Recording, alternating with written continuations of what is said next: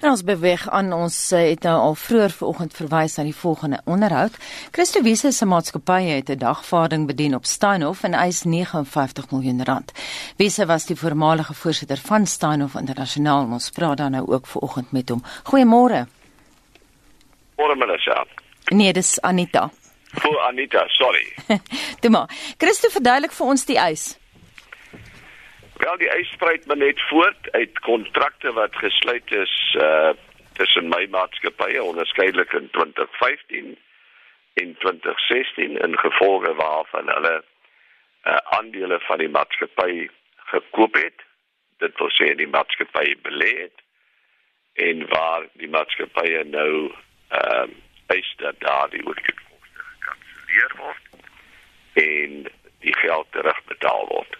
Maar ons saam met die dagvaarding bestel op Steinhof waarin ons sê dat dit baie duidelik is dat dit in die belang van al die belanghebbendes, stakeholders, dit is sê aandeelhouers, krediteure en ander eisers is dat mense om 'n tafel sit en kyk hoe dat die maatskappy geherstruktureer kan word om dit vorentoe te neem. Want duidelik is daar mos baie meer slagoffers as net my maatskappy mm. van wat met Steinhof gebeur het. Nou daar is baie luisteraars wat van vroeg vanoggend al af wil weet, hulle stuur vir ons SMS'e. Hoe kon jy nie geweet het Christo wat by Steinhof aangaan nie? Ons weet dat Whitey Bason uh kommer uitgespreek het oor die besigheidsmodel. Was jy nie ook bekommerd daaroor nie? Nee, uit die aard van die saak was ek nie bekommerd oor die besigheidsmodel nie en dit duidelik nie anders sou ek mos nou nie daarin belê het nie.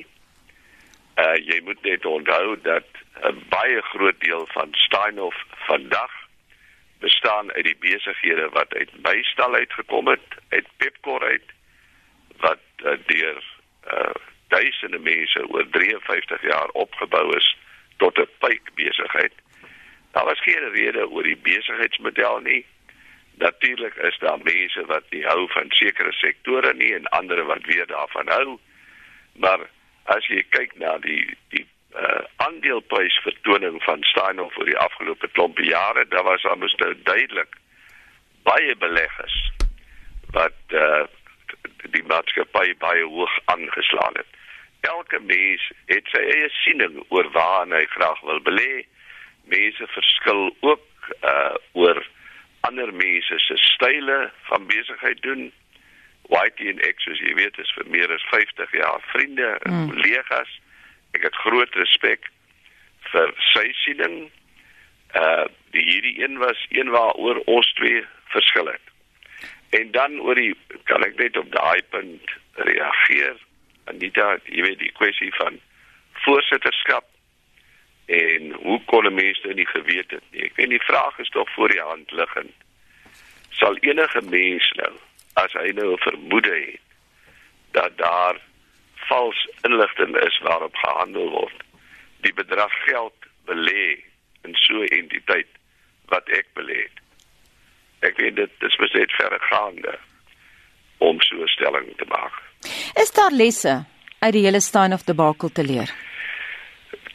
'n mens raak mos nooit te oud om te leer nie. Uh ek het dit al baie keer uh jy weet ernstige selfondersoek gedoen die afgelope aantal maande. Ek gedink watter lesse moet ek nou daaruit leer? Maar jy weet iemand het eendag gesê om te vertrou is 'n groot risiko. Maar om mense nie te vertrou nie wanneer jy 'n besigheid bou, is 'n baie groter risiko.